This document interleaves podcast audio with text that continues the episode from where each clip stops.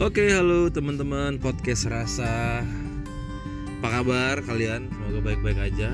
Em, kali ini gue balik lagi nge-record di mobil. Kita baru eh, balik dari sebuah meeting yang cukup ketat. Gue lagi sama Afif eh, yang kemarin juga udah lu dengarkan dan gue ada satu orang partner kerja, teman diskusi yang sangat menyenangkan dalam hari-hari gue di kantor. Eh, kita akan berkenalan nanti. Ada Pak Ucup di sini. eh, tadi kita meeting dari sebuah project dan ya cukup apa ya? Cukup banyak perdebatan-perdebatan, cukup banyak hal-hal yang menyenangkan menurut gue dan kebetulan saat ini gue lagi naik mobil mewah gue lagi naik mobil mewah dan ya tiba-tiba gue merasa ya seorang anak kampung gitu dari pedalaman Sumatera. Kemudian pada sebuah Jumat sore di Jakarta merasakan kehidupan borju anak-anak Jakarta tuh kayaknya menyenangkan. Karena menurut gue Jakarta itu menyenangkan hanya untuk orang-orang yang punya duit gitu. Lu ya, ya karena menurut gue ketika lu hidup di Jakarta kemudian lu harus struggling eh, minggu ke minggu menunggu gajian ya. Kayaknya tuh aduh mana gitu ya. Tapi lu nggak bakal pernah tahu hidup lu membawa ke mana. Bisa aja dalam sebuah em, pekerjaan lu ditempatkan di sebuah tempat yang lu nggak pernah inginkan. Tapi di hari lain bisa aja hidup membawa lu ke sebuah menara di pusat kota Jakarta. Bisa ngelihat skyscrapers dari lantai 50, lantai 52 sambil jacuzzian di infinity pool. Ya, kita nggak tahu ya, hidup itu ajaib gitu. Eh, kita nih bertiga gua Pak Ucup dan Afif sampai menghabiskan waktu ini jam 8 malam, 8.15 malam hanya karena kita nggak ingin terjebak macet di Jakarta. Tapi tetap kejebak ya. Tetap kejebak. Kayaknya udah nggak ada solusi lagi gitu di Jakarta. Gue ngebayangin gimana ya cara untuk untuk menghilangkan kemacetan kayaknya kita harus melupakan itu gitu atau tidak bekerja atau tidak bekerja Oke, gue kemarin udah ngobrol banyak sama Afif dan kali ini gue pengen mengenalkan lu dengan salah seorang temen kerja gue, partner yang cukup menyenangkan, yang mempunyai insight-insight menarik gitu. Eh, ada Pak Ucup di sini, boleh memperkenalkan diri Pak Ucup? gitu. Halo, nama saya Ucup Avandi. Ini suara voiceover saya. Jadi eh Pak Ucup ini kalau lu barusan denger VO dan lu eh, merasa familiar gitu ya lu nggak usah heran karena eh, doi juga banyak mengisi VO VO iklannya. Jadi jadi suara suaranya eh, agak-agak pasaran lah gitu. Iklan sabun. Pak Ucup ini boleh diperkenalkan lebih detail lagi gitu Pak Ucup tentang apa pekerjaan lu dan kita lagi terj- terlibat project eh, sebuah project terus lu akan provide hal apa gitu. Oke, em, eh, ini suara asli gua. Eh, gua rekan kerja Edo eh, spesifik di video production dan grafis. Video production. Kebetulan sedang running event untuk yang seminar interaktif di tiga kota di mana gua akan produksi VT dan kemudian multimedia kontennya. Ya, gue disclaimer dikit ini the first interactive live live jangan lupa uh, the live. first live and interactive uh, Obviously. sama ya simultaneously bangsa. Oke Simultan lah. sama simultan tuh hal yang berbeda, Pak. Ya. Jadi kita sebenarnya ya lagi mengerjakan sebuah hal yang yang katanya diklaim sebagai yang pertama di Indonesia Benar gitu. sih. Ya bukan katanya ya, berarti udah di riset ya. Oke, berarti benar kita lagi mengerjakan sebuah eh, conference gitu eh, yang untuk pertama kalinya dilakukan secara live eh, interaktif and semuanya di tiga kota gitu. Jadi Pak Ucup ini akan eh, provide semua kebutuhan konten grafis dan video production ya Pak Ucup ya. Iya. Lu ini eh, punya cerita apa, pengalaman apa gitu di bidang eh, video production dan kreatif Mas Ucup? Eh, ya pengalaman mostly dulu mengerjakan program TV program karena TV. ya? dulu dari TV Trans Iya. Balik. kebalik ya Harusnya Trans TV. Ah, ya. Jadi terus dari kemudian eh, pindah ke promo Hmm. promo on air mengerjakan Hmm. promo-promo program TV berita Metro Iya. terus kemudian sekarang bekerja sama dengan Pak Edo suatu kehormatan dan Sedap. mengerjakan video produksi dan grafis di perusahaan yang bernama Adi Iya. Oke. Nah, jadi Pak Ucup memulai karir itu gimana? Mulai tahun berapa gitu berkecimpung di dunia pertelevisian dan broadcasting? eh, alhamdulillah ingatan masih sempurna. Ya, Maret ya? 2007 Buset, itu ya, masuk 2007. di Ah. broadcast development program salah satu TV yang Nasional, warna TV hitam nasional itu. lah. Ya, warna hitam yang sampai sekarang masih bangga. Masih bangga dengan seragam. Karena itu kayaknya TV pertama yang eh, branding uniformnya kuat banget ya. Ya. Gue lihat ya. Betul. ya, Ya. Dan akhirnya diikutin tuh Dan semua. diikutin oleh TV-TV lain dengan emblem kanan kirinya. Hmm, jadi lu eh kalau ada yang nanya lu apakah seorang broadcaster atau seorang videographer atau seorang apa nih content creator lu lebih nyaman disebut sebagai apa Ucup? Peminat audiovisual. Sedap. peminat audiovisual Iya. karena ya menurut gua setiap manusia itu butuh disclaimer terhadap dirinya gitu. Mm-mm. Lu lu butuh dikenal orang sebagai apa? Karena ketika misalnya lu lu sendiri nggak tahu lu ingin disebut sebagai apa ya sulit juga gitu ya. Iya, iya. Berarti lu kuliah broadcasting gitu atau kuliah perfilman dan something like that? Nah, kebetulan dengan dengan pengalaman yang dari 2007 sampai 2019 ini di bidang audiovisual, jurusannya sebenarnya teknik elektro. Konsentrasinya harus lemah. arus lemah teknik elektro jurusan eh, konsentrasinya arus lemah jurusan teknik elektro ya. Ya, tapi bukan lemah. Iya. Kemudian nyasar ke pertelevisian tuh apa? Apa sejarahnya gitu Pak Ujung? Dulu zaman SMA milih teknik elektro sesimpel karena suka fisika dan hitung-hitungan. Hmm. Gue yakin, oh kayaknya gue cocok nih masuk fisika, eh masuk teknik elektro, Ya ya. listrik dan yang lainnya, elektronika.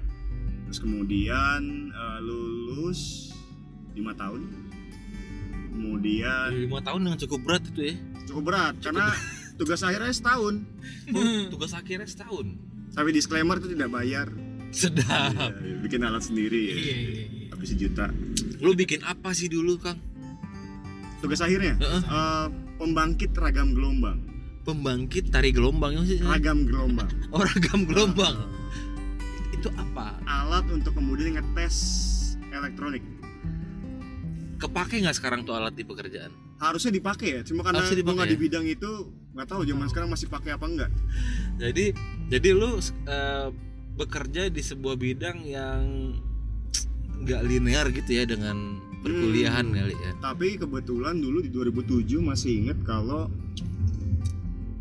proses juga ikut rekrutmen di satu TV swasta itu dan kemudian perusahaan elektronik Korea Di saat yang bersamaan. saat yang bersamaan dua-duanya rezekinya keterima semua Cakep tapi juga ya. satu di Jakarta satu lagi di Cikarang Buset. yang di Terus? Jakarta gajinya satu Nah, yang di di Cikarang. Cikarang tiga Gue seneng nih narasumber kayak gini jadi inisiatif gitu nggak perlu nggak perlu Nggak effect. Iya, nggak perlu ngebip sendiri gitu. Iya, iya. Gokil nih ya kan. Akhirnya Pak Ucop dengan dua pertimbangan tersebut memilih ketika orang normal pasti akan berpikir yang gaji paling tinggi ya oke. Ya, di saat itu mungkin ada kecelakaan di otak saya dan kemudian saya memilih yang gajinya satu tit. Gitu ya. Hanya sesimpel karena sepertinya lingkungannya sangat Tidak mengikat, ketat, terlalu kaku. Konkretnya gimana tuh? Lu punya pengalaman buruk kah ketika interview atau apa gitu? Interview sebenarnya lancar karena kebanyakan alumnus dari kampus gua itu Bekerja di situ. hampir sebagian besar kerja di situ. Hmm. Jadi jalur masuknya lebih mudah dibanding kampus Ya lain. udah ada Hmm, experience lah ya. hmm. Tapi kemudian pengalaman yang paling uniknya adalah sekali makan siang di sana tidak bayar, Oke, gratis. oke. Tapi di dalam kafetaria itu cuma ada dua pilihan menu A dan B. A dan B. Ya. Jadi nggak mungkin ada pilihan 3 dan 4. Oke. Gak Yang- bisa pilih-pilih mau Ifumi bisa. apa gitu nggak ada ya? Rantangnya kayak di penjara di film-film. Waduh, serem banget. terus kemudian kan seharusnya dibangun suasana yang nyaman ketika makan supaya kemudian relief stres gitu menghilangkan stres Hmm. ini musiknya rock pak pang pang terus ditanya ini kenapa musik rock supaya semangat kalau makan tidak lama-lama ngerongkok nongkrong nggak Hmm. lama-lama ngerokok Terus kerja lagi gitu. terus kemudian bunyi bel langsung sepi pak nggak ada yang nongkrong di luar Ya ya ya. nggak ada yang jalan-jalan Gila. Sekolah ya di situlah kemudian muncul keputusan sepertinya ini tidak nyaman untuk kehidupan pribadi Iya, saya iya, iya. Apalagi waktu 2007 berarti itu awal-awal lulus kuliah banget ya. ya masih ganteng iya iya Maksudnya lu masih punya standar yang cukup tinggi lah terhadap pekerjaan yang mau diambil gitu ya. hmm. Ada ada beberapa hal sentimen sentimen pribadi ya gue nggak pengen deh kayak gini gini gini. Cuman relate dengan yang lu sampaikan tadi, gue beberapa minggu yang lalu juga ada kesempatan main ke Surabaya kang. Hmm. Dan di situ kan ada ini ya, ada pabriknya Sampurna. Hmm. Gue melihat dengan mata kepala sendiri tuh ratusan ibu-ibu punya tangan kayak robot kang Hmm. mereka bisa ngebungkus satu kretek dalam waktu 12 detik Hmm. satu bungkus Viv dan di situ di style lagu-lagu yang upbeat gitu yang yang pekerjaannya wah maksud gue yang yang membangun suasana Semangat, cepet ya. gitu loh meskipun tetap dengan kearifan lokal lagu-lagu koplo gitu Iya. tapi ya ya linear gitu gue punya pengalaman yang sama dengan yang Kang Ucup rasakan gitu ya kemudian berarti akhirnya lu memilih untuk masuk televisi gitu ya Hmm. 2007 itu termasuk prime time TV tersebut ya Ya, Iya, betul. lagi Lagi jaya-jaya. jaya-jayanya itu ya yang CEO-nya udah Mas Wisnu waktu itu Ya, ya bisa utama, bisa si utama. utama ya Hmm. oke Idola lah. idola ya waktu itu ya nah berarti lu udah tuh ya lu em, mulai masuk ke dalam sebuah dunia yang baru lu kenali pada saat itu dong Hmm. nah Belajar dari nol. belajar dari nol kemudian berarti ilmu-ilmu elektronik fisika fisika tadi tuh hampir dikatakan ditinggalkan gitu ya kamu coba ya Iya, tidak terpakai. tidak terpakai nah sekarang setelah berapa tahun 2007 12 tahun lu masih bertahan dengan pekerjaan ini apakah masih mencintai bidang tersebut? Apa gimana nih Kang Ucup nih? Kalau boleh diberikan skala 1 sampai 10 lu masih enjoy dalam skala berapa? Satu yang paling paling rendah 10 yang paling enjoy lah. Enjoy, enjoy ya? Enjoy. apa? Berapa banyak revisinya, berapa lama ngelemburnya. Enjoy. Keluarga juga support. Berarti apakah ini lu em, bermaksud mengatakan bahwa lu sudah menemukan passion lu di sini gitu? Hmm. Eh, Sebenarnya kemudian bekerja di bidang audiovisual ketika kemudian kuliahnya di teknik gitu ya, ah, itu juga sebenarnya gue nggak tahu sih ini passion gue apa enggak gitu tapi kayaknya ya gue demen gitu gue suka demen. apa yang gue kerjakan karena dulu waktu gue di promo hmm, dulunya eh dulu waktu di produksi deh hmm, bikin program TV kebetulan program kami itu biasa-biasa saja gitu ya. Share-nya di 7 tapi kami waktu itu ketika gue masih jadi PA ah. berpikir bahwa walaupun share-nya kecil atau ratingnya kecil itu Bedanya adalah bedanya apa sih Pak Ucup share sama rating? oh nanti itu si- istri saya yang lebih paham. Eh, Kemudian? Eh, seberapapun kecil orang yang nonton itu adalah orang yang kemudian setia melihat program kami itu adalah yang kemudian kami harus puaskan jadi jangan kemudian incar yang lebih tinggi tapi meninggalkan yang kemudian apa yang udah dipunya gitu ya, ya, ya, ya. Ya itu ya value sih itu salah satu value yang membuat lu masih merasa ya ini pekerjaan yang menurut gua gua eh, sangat enjoy menjalankannya Hmm. gitu ya. terus kemudian kenapa kemudian pindah ke satu TV berita yang metro Ya. Heeh. itu gue ngeliat ada satu promo produser di kantor lama itu Hmm. dia ngedit Hmm. kalau biasanya orang ngedit itu dia selalu tangannya sering melihat ke keyboard karena berapa banyak tombol yang harus ditekan kan lumayan ribet tuh Hmm. orang ini ngedit promo program Hmm. tanpa ngeliat keyboard sama sekali Buset dah. udah apal banget ya. Iya, terus kemudian ah ini mah gampang nih ngerjain promo 30 detik doang biasa ngerjain program TV 40 menit 60 menit gitu Iya ya, satu kali tayang gitu ya. Ini mah gampang akhirnya kemudian pindahlah ke TV berita ini. Mm-mm.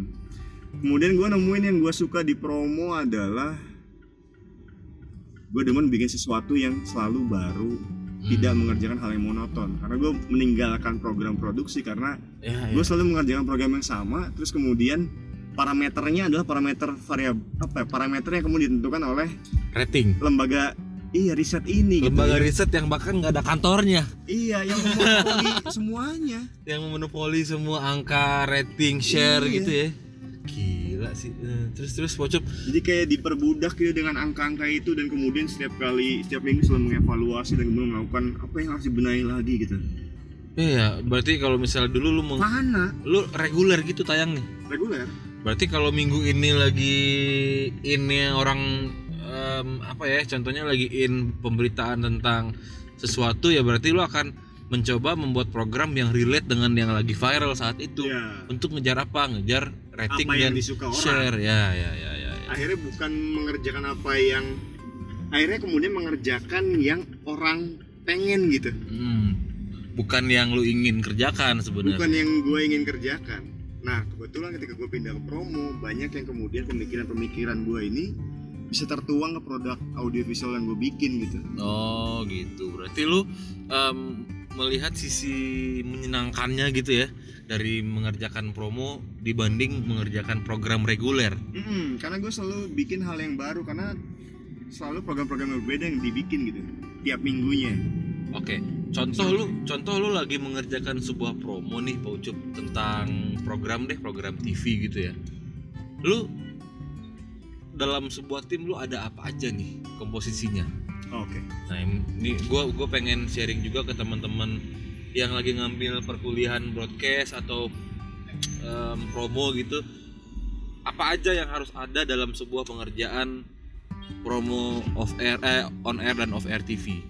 Kalau dulu kan tiap tiap tiap stasiun TV pasti beda-beda lah ya Iya, treatmentnya betul, kan. betul, betul. di tempat yang gue dulu ini mostly project itu hanya ada produser Produser, copywriter Mhm, production assistant mhm. grafis produser tugasnya adalah produser untuk kemudian bikin konsep tapi kemudian kalau di kantor gue yang dulu itu dia produser selain bikin konsep bikin budget dia juga survei reki juga kemudian survei dia apa? juga- Reki. Iya survei atau reki Oh, ke lokasi itu Ya. terus kemudian juga harus ngedirect juga Mhm. selepas ngedirect kemudian ngedit sendiri Edit sendiri tuh ya produser ya. sendiri ketika kemudian editing offline udah proof nih sama atasan baru kemudian lanjut ke online editing ke motion graphic Hmm. baru kemudian either balik lagi ke produser atau langsung render final render dari motion graphic itu Oke, sendiri itu produser. Kedua ada scriptwriter.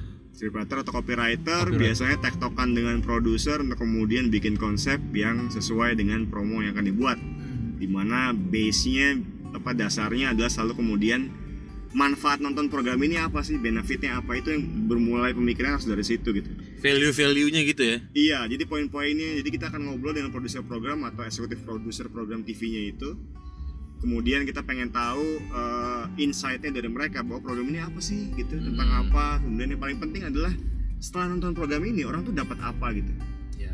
ketika dapat apanya itu itu yang kemudian dijadikan eh, dasar untuk kemudian bikin konsep karena itu yang akan kemudian kita jual Oke. kenapa kemudian jadi kayak ngasih motivasi orang kenapa harus nonton program ini nih gitu Berarti lu juga si copywriter ini juga harus mengkaji behavior, mengkaji statistik gitu kali ya, Ucup ya? nah, idealnya seperti itu Idealnya tapi seperti itu ya. deadline-nya nggak ketemu Iya.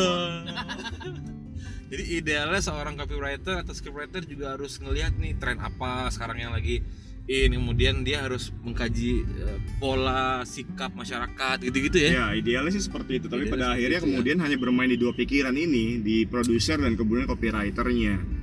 Kegera- Hmm. ke- keresahan apa, terus ada pemikiran apa, referensi apa yang sudah dilihat, itu yang kemudian jadi parameter utama. Ya, Outputnya nanti akan seperti apa gitu nanti. Oke. Nah, kalau PA berarti udah, Udah jelas lah ya. pasti akan bantu produser, itu Produser gitu ya. Yang terakhir tadi apa ya? Motion graphic. Motion graphic. Nah, Oke. Atau bisa dibilang juga online editor, jadi dia tugasnya satu color grading.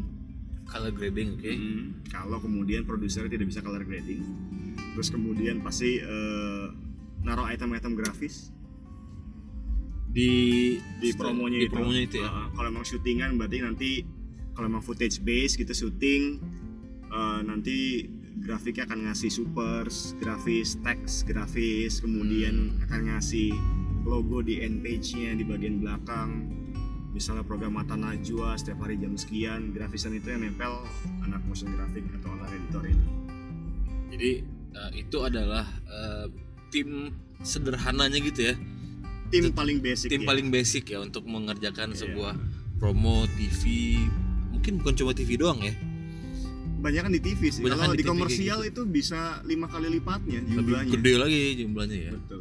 Nah, mem- eh, bicara soal komersial gitu, lo punya satu ini gak sih, Kang? Lo punya satu brand atau satu produk kreatif gitu yang menurut lo, wah ini keren banget nih gitu, pilihan gitu. Eh, Najio gue pernah lihat dia punya punya punya apa ya campaign go further Hmm. pergi lebih jauh gitu. dengan syutingannya long shot orang berenang di dalam laut Orang berenang Dalam di laut. tidak pakai tabung udara Ya. hanya pakai fin saja sama mata apa kacamata Google gitu ya Ya, berenang gitu kecil dari kiri ke kanan selama 30 detik. Oke. statis udah gitu aja. Terus kemudian ketika orangnya lewat di tengah-tengah muncul grafisnya go further. Jadi pergi lebih jauh. Hmm, buat lah lagi kemudian kenapa ya, ya, begitu? coba telaahnya gimana? gue berpikir yang yang gue terima di saat itu adalah program Nat Geo pengen kemudian dikenal sama orang untuk kemudian bisa dapat wawasan luas soal dunia atau apa pun yang dibutuhkan itu lewat Nat Geo go further. Jadi em, berarti gini ya, kalau dari gua sebagai orang awam gitu ya, untuk sebuah gambar yang sangat sederhana tadi, hanya berarti kan footage-nya hanya ada orang berenang dari kiri ke kanan gitu, hmm, terus kameranya long shot dan still doang, nggak ada panning kiri panning kanan. ada. Berarti dia ada yang menarik adalah bagaimana mereka bisa menemukan sisi-sisi fil apa fals, filsafatnya gitu atau apa sih? Maksud gua eh, semiotikanya. Hmm. perumpamaannya dari sebuah em, footage orang berenang dari kiri ke kanan. Kemudian mereka ingin menyampaikan pesan bahwa Nat Geo lagi dalam proses untuk dikenal lebih banyak orang gitu ya. Lebih ke ini ya mempertebal identitasnya dia. Hmm, dulu dia punya campaign Let's Get Lost Let's Get Lost. Mari kita tersesat gitu. Itu Geo tuh ya? Iya makanya Iya, kemudian iya. banyak programnya kan yang lebih ke traveling traveling kan. Ya. Gokil juga ya. Keren. Terus ada lagi ini BBC menurut gua. Itu adalah TV pemerintah yang promonya itu kreatif banget gitu. BBC itu Inggris ya? Inggris. Bahkan ada BBC apa gue lupa channelnya. Itu dia TV berita. Promonya ngomongin promo program buletin tapi di situ digambarkan scene-nya adalah scene lagi terlihat tuh terlihat satu kursi di ruangan studio ada lampu kamera segala macam tapi kursinya kosong. Hmm. kemudian pindah ke shot yang lainnya ada list presenter yang semuanya nggak available. Coret semua. Terus kemudian dia bilang apa? Ah, presenter kami sangat sibuk mendapatkan berita jadi dia tidak bisa hadir di promo on air. Sedap. Gokil nggak tuh? Ya ya ya ya, ya. berarti menekankan apa? Menekankan bahwa lebih penting mendapatkan berita untuk kalian pemirsa daripada, Daripada- menyentuh promo on air. Ya ya oke oke oke gila sih. Dia dia tetap em, apa ya menegaskan posisinya sebagai TV berita hmm. tanpa mengurangi kreatif untuk promonya. Hmm. oh keren keren. Kalau lu punya nggak Viv satu satu konten kreatif iklan atau brand campaign gitu yang menurut lu keren banget karena gue termasuk orang yang suka dengan iklan-iklan sebelum eh, lu kalau nonton kalau nonton di bioskop kan ada iklan-iklan Tokopedia Ya. iklan-iklan terus Gojek yang baru menurut gue tuh keren banget sih yang ternyata yang bikin Dimas Jaya juga friend Ya. jadi eh, yang VO nya Najwa itu kan dia bilang ya orang Indonesia itu sebenarnya bisa ngakalin semuanya lah Betul. Termasuk kayak apa yang hidup eh, dispenser pakai garpu Mhm. gitu-gitu kan tuh relate banget gitu sama Iya. kehidupan kita gitu lu punya pengalaman juga nggak tentang satu konten atau suatu apa ya ya output promo lah gitu yang keren gitu Kalau yang Atau- keren mungkin kan udah tadi Pak Ucup ya. Ya, lalu yang apa nih? Yang receh menurut gua Receh tapi itu gimana? nggak bakal pernah gue lupa sih. Contoh. Itu ada permen Hmm. apa sih namanya mints ya. Hmm. Jadi dia itu bener receh banget sih. Kontennya cuman kayak "Ah, ini permen mint. Nah, terus dia ngomong lagi tuh cuman ya intinya tuh apa ya? Buat orang-orang Indonesia tuh masuk banget gitu karena itu Nah. terlalu receh gitu. Ah. Karena kan ya dia menurut gua kerennya itu adalah dia bisa uh, suatu brand itu keren adalah dia bisa memposisikan brandnya itu pada customernya gitu. pada segmen pasarnya ya. Nah betul. Jadi di saat dia mempromosikan itu, jadi kayak kasarnya lo mau promosiin sesimpel teh gelas gitu, Hmm. tapi lo bikinnya keren banget kan nggak masuk gitu ya. Dan menurut gua keren itu adalah di saat lo punya satu konten yang sesuai dengan pangsa pasar lo itu aja sih kalau gue. Hmm.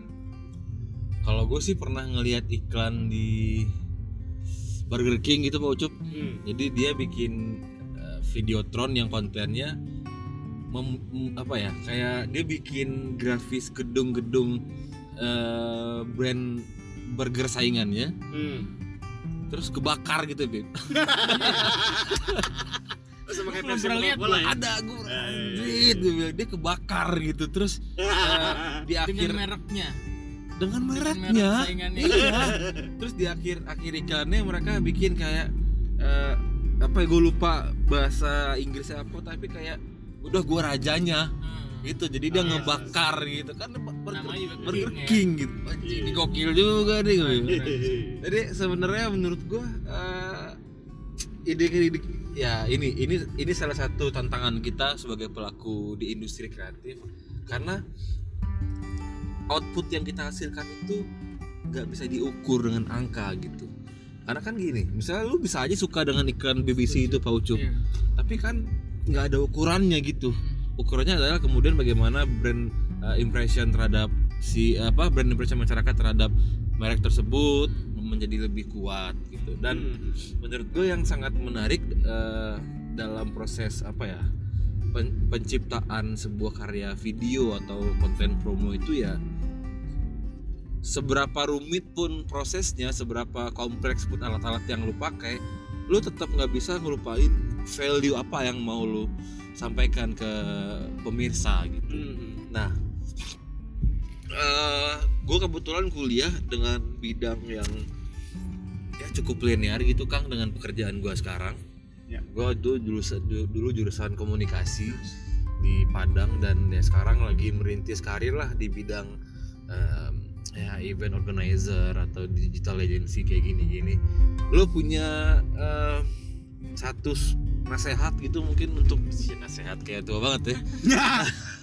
lo, lo punya Iya kalau Hmm. 2007 udah bekerja, eh, hitung saja sendiri. saja sendiri. Angkatan berapa? Eh, lu punya sebuah apa ya sebuah em, masukan gitu mungkin terhadap temen atau pengalaman apa yang yang bisa meyakinkan teman-teman yang bekerja ingin bekerja di bidang yang mereka sukai meskipun itu akhirnya tidak akan sesuai dengan kuliah yang lagi dijalani gitu.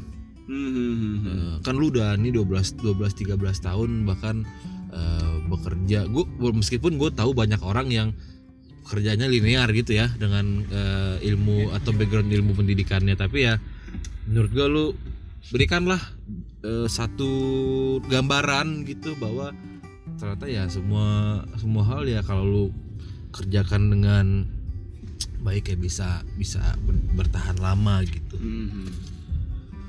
Apa ya? Apa ya? Soalnya mungkin ini ya apa namanya? Kayaknya gue belum dalam ranah yang tepat untuk kemudian memberikan nasihat ke orang gitu karena gue mengaca dari gue sendiri juga nggak sempurna sempurna amat gitu ibaratnya orang yang kejeblos tapi kemudian suka gitu Berdasarkan Iya, iya. pengalaman hanya berdasarkan mungkin. intuisi saja intuisi yang intuisi yang karena tidak mau terperangkap di industri pembuatan TV tuner gitu TV itu bener. Nah, Em, apa ya mungkin du- sampai sekarang gue masih percaya bahwa gue demen apa yang gue kerjain karena pekerjaan gue tuh dilihat orang gitu hmm. Dan kemudian syukur-syukur kemudian ada yang menyukai itu kepuasan tersendiri gitu Ya, karena gua eh relate dengan yang lu bilang. Gua kan kemarin sempat ke Jeep Fest Jakarta International Photo Festival dan di situ ada banyak banget foto-foto pemenang lomba foto dunia gitu Kang Ucup Hmm. yang gua hanya tahu fotonya doang Iya. gua nggak pernah tahu cerita di balik itu Hmm. Jadi penitia Jeep Fest itu bikin semacam eh, sharing session gitu antara si pemilik foto dengan para kita kita nih para pengunjung. Hmm. dan dia menghadirkan eh, pengalaman dari di balik foto tersebut. Kemudian gue merasa gue menaruh respect terhadap orang-orang yang berjuang untuk menghasilkan sebuah karya. Ya dalam dalam kesunyian lah gitu ya dalam tanda kutip. Mereka nggak nggak kayak youtuber youtuber sekarang yang mungkin mengedepankan sisi narsistik mereka Hmm. tapi menurut gue gue ya, gue menaruh respect yang banyak terhadap seniman-seniman yang yang bahkan kita hanya tahu karyanya doang gitu Ya. kita nggak tahu coba lah coba deh kita introspeksi seberapa sering lu melihat sebuah iklan yang lu suka kemudian lu cari tahu siapa sutradaranya Iya. jarang kan kejadian jarang banget gitu gue kemarin termasuk yang sangat impress dengan iklan Gojek yang baru ternyata yang bikin Dimas Jai terus gue keren banget ya. keren banget terus iya maksud gue ternyata kita kurang gitu kurang apresiasi terhadap orang-orang yang bekerja di belakang eh, proses kreatif tersebut gitu dan harapan gue eh, karena udah 30 menit juga harapan gue buat teman-teman yang lagi berkuliah dan yang lagi galau memutuskan akan bekerja di bidang apa ya menurut gue eh yang penting lu mencintai gitu apa yang lu kerjakan. Karena ya kalau enggak em, lu udah kejeb, lu udah kecebur terus lu cuman berontak-berontak doang pengen keluar gitu. Sekarang menurut gue ya udah teman-teman em, bagi teman-teman gue yang junior-junior di kampus yang lagi karena sekarang kan udah banyak penjurusan ya Pip ya. Maksudnya Hmm, anak-anak kuliah sekarang itu kayaknya udah lebih spesifik gitu. Mereka mereka kuliah di komunikasi komunikasinya apa? Ada penjurusan. ada penjurusannya lagi mas masa apa komunikasi masalah apa semua. Ya menurut gua dari sharing yang sebentar ini dari Pak Ucup dari Afif juga ya apa pun itu ketika lu berkarya dan termasuk podcast nih Iya. meskipun nggak ada yang denger ya menurut gua. Ada lah. ya lumayan lah ya lumayan lah. 2000 2500 orang lah. Lumayan gitu. Ya asumsikan saja podcast itu adalah hanya apa ya sarana aktualisasi gitu, menuangkan Beda gitu. medianya aja. ya gitu dan Kebetulan kemudian menuangkannya disukai orang, ya itu nilai plus ya nggak sih? Ya, gitu. Jadi eh, by the way kita udah nyampe kantor juga. Eh, thank you udah melal- eh, udah menemani gua melalui kemacetan Jakarta di Jumat malam. Eh, kita akan ngobrol lagi bareng Pocuk nanti di episode-episode selanjutnya gitu. Gua menarik dan bahas tentang pertelevisian dan segala hal di belakang itu karena eh, televisi menurut gua sekarang lagi disorot banget gitu. Karena apa ya? Karena terpaan digitalisasi segala macam itu sangat menarik. Bagaimana melihat mereka masih bertahan dengan bisnis tersebut. Eh, thank you Afif udah ngasih tompangan mobil mewah gitu ke kita. Tagline. gua gua agak alay tadi ngelihat ada ini apa sih namanya nih Sunroof. ada sunroof Oke teman-teman, eh, ketemu lagi di podcast episode berikutnya. Tetap support dan eh, see you guys.